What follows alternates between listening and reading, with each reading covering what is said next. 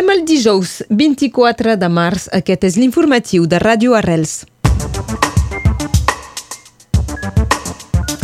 El saló que permet trobar treball o formació té lloc avui al Palau de les Exposicions de Perpinyà.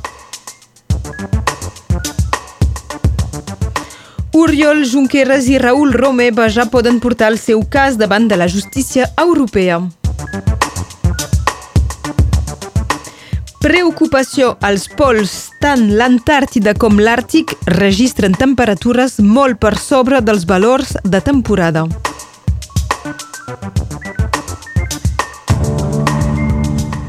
Comencem parlant del darrer balanç de la Covid a Catalunya Nord. S'ha de lamentar encara la mort de tres persones. A l'Hospital de Perpinyà hi ha 240 pacients amb Covid, dels quals 9 que es troben al servei de reanimació.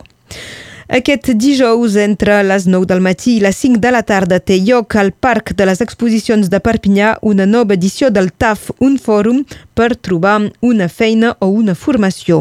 Unes 200 empreses hi són presents de tots els sectors d'activitat amb unes 2.000 propostes de contractació, de les quals un terç en CDI.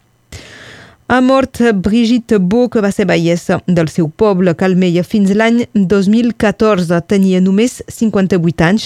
Brigitte Beau serà enterrada aquesta tarda a les 3 al cementiri de Calmeia. El Tribunal Constitucional espanyol rebutja el recurs d'empara d'Oriol Junqueras i Raül Romeva contra la sentència del procés que els va condemnar a 13 i 12 anys de presó per un delicte de sedició i malversació. Aquest rebuig obre la porta a poder portar el cas davant de la justícia europea. Ara el TC ha de resoldre els recursos de Dolors Bassa i Quim Forn, els darrers que queden pendents el govern francès estaria disposat a anar fins a l'autonomia de Còrsega. Així ho va assegurar el ministre de l'Interior, Gerald Darmanin, per provar de calmar les tensions al carrer arran de l'agressió al militant Ivan Colonna a la presó i que ha acabat amb la seva mort. Escoltem la reacció sobre aquesta qüestió de l'autonomia del Roku Garrobi, portaveu de Région et Peuple Solidaire per Còrsega. Sur la question du dialogue sur l'autonomie avec, avec l'État français, on peut que se réjouir qu'il y ait un dialogue qui s'ouvre. Mais d'une part, on peut se poser la question pourquoi il a fallu un drame pour en arriver là. Deuxièmement, on peut se poser la question du timing. Euh, nous sommes désormais en campagne électorale définitive. L'État ne peut plus parler, ne peut plus s'engager. D'ailleurs, euh, le ministre de l'Intérieur est venu 48 heures avant son droit de son devoir de réserve. Et puis, euh, je pense que c'est le cas aussi pour les Catalans du Nord, les Basques du Nord, les Bretons, les Alsaciens, ou même plus loin les Kanaks. On sait très bien le passé, le passif qu'il y a avec l'État français. Et on est en droit de douter de l'honnêteté du processus engagé par le ministre de l'Intérieur, parce que je pense qu'on ne met pas la même chose derrière les mots. L'autonomie, c'est un sens clair, c'est le droit de voter ses propres lois. C'est même la définition étymologique. Or, on est en train de nous parler du statut de la Polynésie c'est mieux que le statut actuel en Corse, c'est certain. La Polynésie n'est pas autonome, parce qu'elle ne vote pas des lois, même si ça s'appelle loi de pays, ce sont des, des, textes à force réglementaire. Il y a eu un vote en Corse très majoritaire pour l'autonomie, et donc il faut que ça soit une discussion autour de l'autonomie, c'est-à-dire un transfert legislatif. Eren les paraules de Roku Garrobi, portaveu de Regió i Poble Solidaire per Còrsega. I precisament el cos d'Ivan Colonna ha estat rebut per una multitud a la seva arribada a Còrsega. El funeral serà demà a la tarda al poble del militant independentista cors, Cargesa, que és situat al sud de l'illa. D'ençà del dissabte a la matinada es va obrir una investigació sobre l'assassinat de l'antic jugaire de l'USAPI de Biarritz, l'argentí Federico Martín Aramburu, a París. Les tres persones buscades han estat detingudes. Una dona de 24 anys, que seria la conductora del vehicle, ha estat la primera a passar a disposició policial per complicitat. El principal sospitós, un home de 27 anys vinculat a l'extrema dreta, ha estat localitzat aquest dimecres a Hongria. I finalment, el tercer i darrer implicat, segons fons policials, també amb lligams d'extrema dreta, un home de 31 anys, ha estat detingut dins la Sarta. Vladimir Putin ordena a la direcció de Gazprom que només permeti comprar gas en rubles i no en euros o dòlars. L'objectiu del president rus és de defensar la seva moneda arran de les sancions contra el Banc Central rus. El ruble ha arribat a caure des de l'inici de la guerra fa un mes fins a un 60% del seu valor. Ara, després de l'anunci, la moneda russa torna a pujar. Preocupen les onades de calor que afecten actualment els dos pols. En alguns llocs de l'Antàrtida, els termòmetres han marcat 40 graus més de la temperatura habitual i a l'Àrtic s'han superat en 30 graus els nivells de temporada. Aquest fenomen és encara més inquietant pel fet que els augments coincideixin en els dos pols alhora.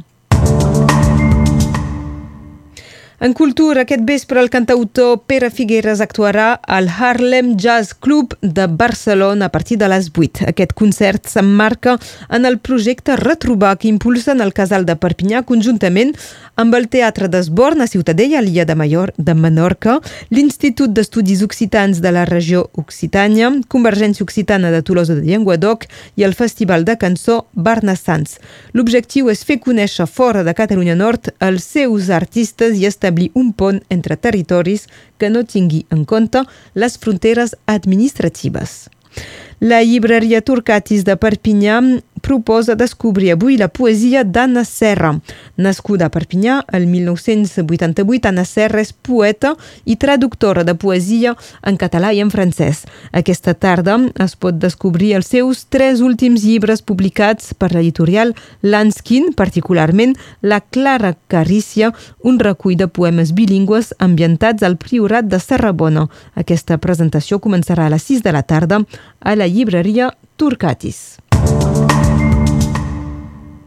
I passem als esports. En ciclisme, l'etapa d'ahir de la volta que sortia de Perpinyà per arribar a la Molina, Cerdanya, va ser guanyada per l'australià Ben O'Connor, que també s'ha posicionat com a líder de la classificació general per davant de Juan Ayuso Pesquerra i Neiro Quintana. Avui els ciclistes iran de la Seu d'Urgell fins a Boitaúi. I acabem amb rugby a 13. El neozelandès Dean Ware serà absent uns 3 mesos. En el darrer partit contra Ulcaer es va ferir el pectoral esquerre. Els exàmens mèdics han confirmat el trencament muscular que necessitarà una intervenció quirúrgica, segons el comunicat del club.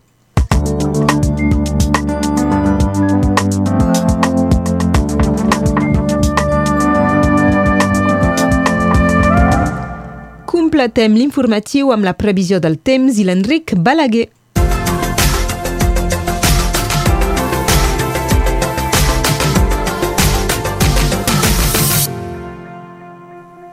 Avui el que estan a Borremar constaten que les condicions marítimes milloren. Es manté un flux de sud-sud-est que ens porta vent de llevant però que no aconsegueix entrar clarament a les nostres terres. Només tenim núvols alts i cap precipitació es redueix el dèficit de sol d'aquest mes de març que, com sabeu, ha seguit un llarg període de sequera. La temperatura de mica en mica està pujant, 7 a Matamala, 6 a Eina, 8 a Ur, 11 a Oleta, 14 a Eus, 15 a Nefiac, 16 a Tuí, 15 a Palau del Vidre i a Cervera, 16 a Canet, 14 a Òpol i a Codies a Fenollet. A Mollerussa, a l'Alt Urgell, 13 graus. Al Priorat de Serabona, el sol es pon a 7 hores i 7 minuts. El 24 de març de 1875 mor el gran compositor de sardanes, Pep Ventura. El 24 de març de 1916, el vaixell Sussex és torpidinat pels alemanys durant la Primera Guerra Mundial. Una de les víctimes mortals era el músic català Enric Granados. Fan anys avui el comentarista de futbol Joaquim Maria Puyal, l'escriptor Quim Monzó i el compositor de sardana Vallespirenc Olivier Marquès. Avui és Sant Irineu i Sant Gabriel.